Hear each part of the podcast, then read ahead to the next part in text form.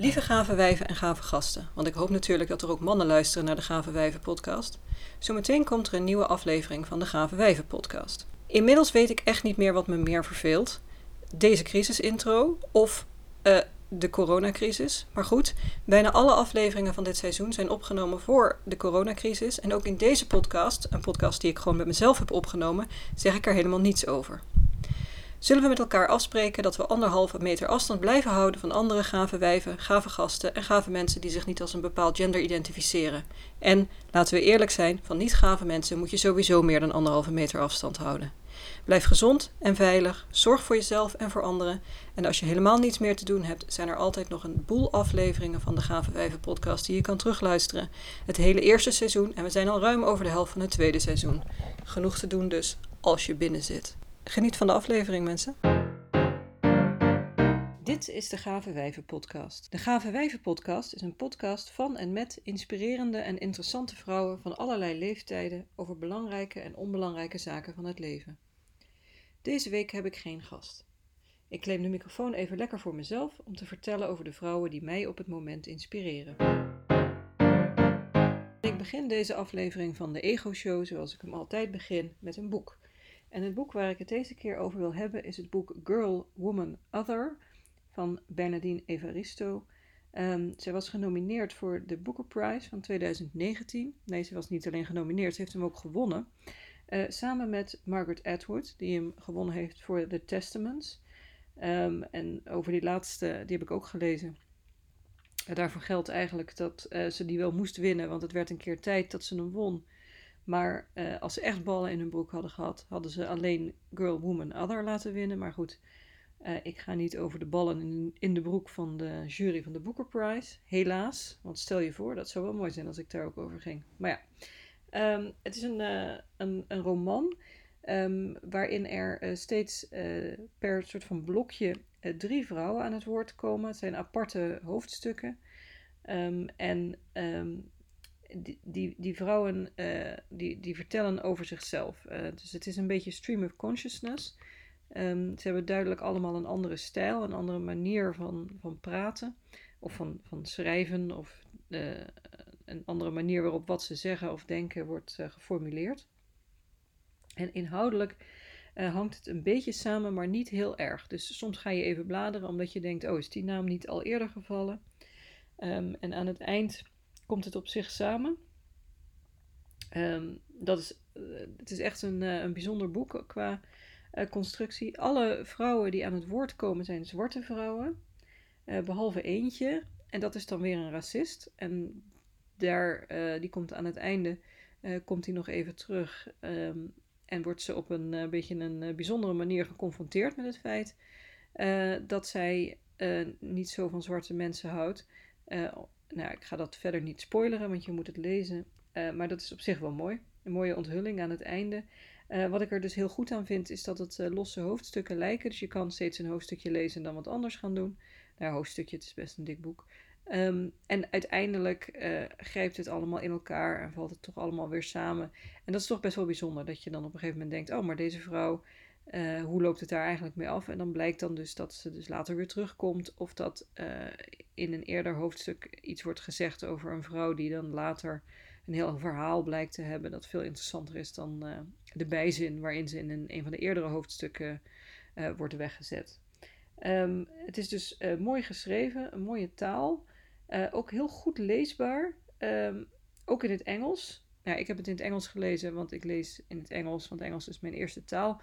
Uh, maar je kan het sowieso in het Engels lezen. En dat hoeft echt niet in vertaling. Ik vind sowieso mensen, kom op, uh, je hoeft echt niet in vertaling te lezen. Je, je, brein werkt goed genoeg om Engelse boeken te lezen. En als het moeilijk is, dan is het niet erg om te leren er wat van. hoe dan ook zou ik zeggen dat dit boek echt een aanrader is.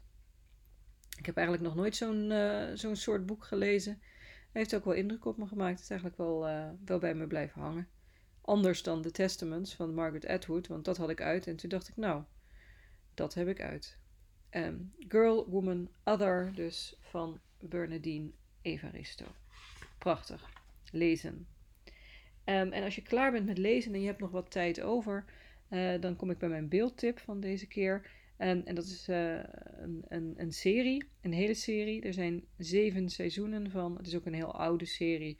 het is mijn favoriete serie, namelijk Buffy the Vampire Slayer. het is een serie met Sarah Michelle Gellar in de hoofdrol als Buffy the Vampire Slayer. onder regie van Joss Whedon, die in die tijd werd gezien als een grote feminist. omdat hij dus veel dingen maakte en schreef met vrouwelijke helden. Uh, dat is natuurlijk heel gaaf. Later is hij uh, een beetje een viespeuk gebleken. Vind ik jammer. Sowieso dat iemand een beetje een viespeuk blijkt, maar ook uh, voor iemand die dus eigenlijk best wel veel heeft gedaan voor de goede zaak. De goede feministische zaak. Hij heeft een hele generatie meiden laten zien dat je als meisje ook kan vechten. In plaats van je kan verschuilen achter een boom terwijl een man voor je vecht. Sterker nog, de mannen in deze serie zijn vaak degene die zich achter een boom verschuilen. En het is toch jammer dat hij dan uh, uiteindelijk, uh, ik geloof wat vrouwenvriendelijke opmerkingen blijkt te hebben gemaakt. En hier en daar ook een billenknijper is geweest. Um, dat is jammer.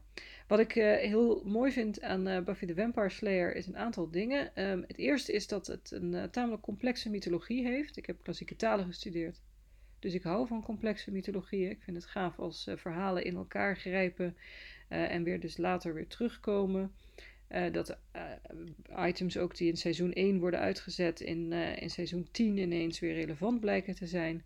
Dat vind ik iets goed geschreven. Nou, niet in seizoen 10, want het heeft maar zeven seizoenen, maar je begrijpt wat ik bedoel. Um, het komt steeds terug. in de eerste paar seizoenen van Buffy spelen zich af op een middelbare school. Um, wat ik heel leuk vind, want ik vind een school als een, een bron van demonen, daar kan ik me als docent heel goed in vinden. Heel herkenbaar, inderdaad. Je weet nooit wat er rondloopt. Ehm, het is natuurlijk allemaal metaforen, dat begrijp je. Maar er zijn ook daadwerkelijke demonen en vampieren. Uh, Buffy is dus de vampire slayer. Ze wordt ook verliefd op een vampier. Misschien zelfs wel twee keer. Um, zij heeft uh, een groep uh, mensen om zich heen die heel bijzonder zijn. Willow, die, en die zich in latere seizoenen ontwikkelt tot een echte uh, Wicca, een heks als je niet van die ingewikkelde termen houdt. Uh, Xander, die dan uh, de man is die zich achter de boom verschuilt. Cordelia, die echt in de eerste seizoenen een oerbitch is, maar later zich ook op een andere manier ontwikkelt. Het is allemaal heel prettig en eigenlijk ook voor iets dat best wel oud is, worden er ook behoorlijk veel thema's aan de orde gesteld die nu ook nog actueel zijn. Um, ik kom op uh, mijn fanheid van Buffy the Vampire Slayer omdat ik uh, als kerstcadeau van uh, Lianne een, een, pop heb gekregen van Buffy. Een, een collectible, ja dat heet ook een pop, pop doll, collectible Buffy pop. Super cool. Zat op mijn werkkamer op school. Um, ik zou uh, iedereen adviseren om gewoon te beginnen bij seizoen 1 uh, eh, en hem dan helemaal te kijken. Uh, het is natuurlijk wel zo, het is dus echt wel oud. En dat een deel van de special effects, vooral in seizoen 1, die, daar moet je eigenlijk stiekem wel een beetje om lachen. we zijn inmiddels in special effect land wel even een stukje verder gekomen. Maar weet je, dat vind ik helemaal niet erg, want het is gewoon super cool. En je moet het echt kijken. Um, een paar bijzondere afleveringen. Er is een aflevering die heet Once More with Feeling. Die is uh, integraal als musical. Um, en daar staat dan bijvoorbeeld tegenover uh, de, af, de, aflevering Hush, uh, waarbij niemand kan praten. Die is bijna helemaal in stilte. Dat is echt wel heel gek om naar te kijken. Een volledig stille aflevering. Um, er zijn uh, allerlei soorten bad guys. In seizoen 1 en 2 is het een soort van prehistorische vampier. In seizoen 3 is het een foute ex. Uh, er is op een gegeven moment een, uh, een evil slayer. Er is een, een god die naar de aarde komt om de hele aarde te verpesten. er is een hele reeks met drie nerds. Um, dat is ook een heel mooie reeks. Nou, in elk geval, dit is de eerste superhero serie waaraan ik verslaafd ben geweest. Um, er zijn er daarna nog heel veel gevolgd. Uh, er is ook nog de spin-off Angel, maar dat is veel minder gaaf dan Buffy. Ik zou zeggen Buffy the Vampire Slayer. Kijken. Binge-watchen. Ik weet alleen niet hoe of waar. Ik heb ze op DVD. Um, volgens mij is het helemaal nergens in de streamingdiensten. En dat is een omissie. Dus uh, Netflix, als jullie mij horen, zet uh, Buffy er even op. Thanks. Het is voor de mensheid, hè? Ik heb hem op DVD's. Voor mij hoeft het niet. Uh, dan een geluidstip, dit keer geen muziek, um, maar een podcast. Als je dit luistert, dan ben je kennelijk een podcastluisteraar. Of je bent echt super verdwaald. En als je toch al super verdwaald bent, nou, dan zou ik zeggen, stay lost. Ehm, de podcast die ik wil aanraden heet uh, Diet Starts Tomorrow. En die maakt deel uit van het uh, Batches Emporium. Dat zijn drie vrouwen die op een gegeven moment, drie jonge vrouwen die op een gegeven moment samen um, allerlei dingen zijn begonnen via social media en een aantal podcasts hebben. Um, de Diet Starts Tomorrow podcast zijn twee van de drie vrouwen, Sammy Fishbein en Aline Cooperman. Um, die maken deze podcast en uh, ze praten dan dus over uh, diëten of lijnen en sporten. Um, maar dan eigenlijk altijd wel op een, op een soort van grappige manier en ook wel op een realistische manier. Daarom heet hij natuurlijk ook Diet Starts Tomorrow. Uh, want we nemen ons natuurlijk allemaal wel eens voor dat we morgen gaan lijnen. Dat we morgen een nieuw leven beginnen. Uh, dat het vanaf morgen weer helemaal goed gaat komen met ons. Maar in de tussentijd doen we maar wat. En dat is wel heel mooi aan um, hoe ze dat uh, presenteren. binnen het Badges Emporium zijn er nog wel meer podcasts. Dus er ook de You Up podcast over dating. Dat is met de derde vrouw uit het uh, Emporium, uh, Jordana Abrahams. En doet dat samen met een uh, comedian, een man. Het is heel grappig. er is ook Badges Travel en Badges Brides. dat is eigenlijk wel het enige nadeel aan deze podcast. Nee, eigenlijk zijn er twee nadelen aan deze podcast. het eerste nadeel is dat zowel Sammy als Eileen dit jaar of vorig jaar getrouwd zijn of gaan trouwen. Um, en dat is wel een beetje uh, boring in die zin dat ze er nogal door geobsedeerd zijn. Dus je mag dan toch op een gegeven moment hopen dat je dan getrouwd bent en dat je dan stopt met erover praten. Uh, maar dat is in het geval van Eline, die dus vorig jaar getrouwd is. Uh, er is nog geen spoor van dat ze daarover ophoudt. Maar goed, ik heb ook mensen, vriendinnen op Instagram, die een jaar na hun bruiloft nog steeds wekelijks een foto van een trouwjurk posten. Dus kennelijk ligt dat ook een beetje in mijn allergie. Ik vind het onnodig, ik heb die trouwjurk nou wel gezien. Um, Eline is nu heel erg bezig met uh, het weer verliezen van de kilo's die ze eraan gegeten heeft tijdens haar uh, huwelijksreis. Maar die was dan ook best wel gaaf. Um, het andere bezwaar is uh, dat ze voor mij eigenlijk iets te jong zijn. Ze zitten volgens mij allebei rond de 30. Um, en het taalgebruik is ook het taalgebruik van jonge vrouwen. Ze wonen in New York. En ik geloof dat het vooral Sammy is die in elke zin like zegt. Liefst twee keer. Dus it's like, it's like I'm, uh, I'm like eating uh, pizza all day. Like, nou ja, dat hoeft van mij dus niet. Maar goed, dat is ook het leuke. Ze zit gewoon uh, conversationeel met z'n tweeën te kletsen. Ze hebben ook vaak gasten, gastinnen zelfs. Um, ook wel eens mannen. Uh, via deze podcast ben ik ook gekomen bij uh, Jordan Syed. Dat is dan een man. Um, maar ook, dat is een hele goede trainer die een hele positieve aanwezigheid heeft op social media over hoe je verstandig kan trainen en eten. Uh, maar ook uh, Tanja Zuckerbrood over vezels. Dat is een voedingsdeskundige die een boek heeft geschreven over waarom het belangrijk is dat je vezels eet. Nou, dat is heel belangrijk, mensen. Poepen is belangrijk. Um, ik luister deze podcast overigens in de gym. Vind ik wel fijn, mensen die een beetje kleppen over voedsel en hoe je fit kan blijven. En, maar ook dat pizza heel belangrijk is. Um, en dat uh, pizza niet meer gedemoniseerd moet worden. Nou, daar ben ik ook helemaal voor om dat niet te doen. Uh, het is een prettige podcast om te luisteren als je gewoon ergens heen aan het wandelen bent. Dus het is niet intellectueel heel erg uitdagend. Sterker nog, het is intellectueel helemaal niet uitdagend. Maar weet je, dat is ook best wel een keertje lekker. Als je intellectueel uitgedaagd wil worden, dan zijn er vast wel uh, ingewikkelde podcasts. Maar die zoek ik niet op als ik met mijn gewichten bezig ben in de sportschool.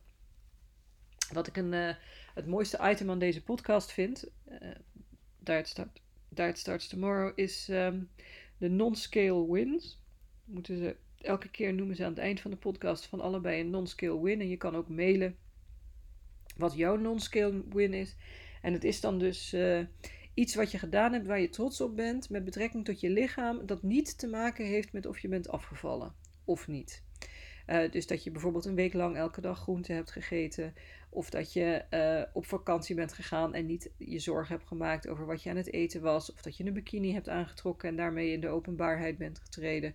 Dus allemaal dingen die niet te maken heeft met de getalletjes op je weegschaal. En soms probeer ik voor mezelf ook een uh, non-scale win te benoemen in een dag. Dat, uh, ik ben natuurlijk, of ik ben niet natuurlijk, ik ben permanent aan de lijn, niet natuurlijk, maar eigenlijk altijd. maar soms dan denk ik van nou, dan heb ik bijvoorbeeld een recept en dan ze moeten er tomaten in. En dan denk ik, nou, ik ga toch maar even naar de winkel om die tomaten te halen. Dan ben ik heel erg trots op mezelf. En dat noem ik dan een non-scale win. Ik ben al lang niet klaar om in een bikini naar buiten te gaan. Als dat mijn non-scale win van de dag is, dan geef ik een feest. Maar um, vooralsnog elke dag eventjes kijken of je ook iets gedaan hebt voor jezelf, voor je lichaam. dat niet te maken heeft met, laten we zeggen, de bottom line op de weegschaal. Dat is echt best wel goed voor de geest. Dat kan ik, kan ik aanraden. Diet starts tomorrow. Op alle podcast uh, gremia te vinden. Uh, de inspiratie uh, deze keer is Angelia Trinidad. Dat is een mevrouw die mijn leven in grote mate heeft veranderd. zij is namelijk degene die de Passion Planner heeft bedacht. En de Passion Planner is een agenda um, die ze een paar jaar geleden heeft uitgebracht via Kickstarter. Toen was ik er al bij. Ik ben op een gegeven moment eventjes vreemd gegaan met wat andere agenda's, maar ik ben nu weer vol terug bij de Passion Planner, al een jaar of drie.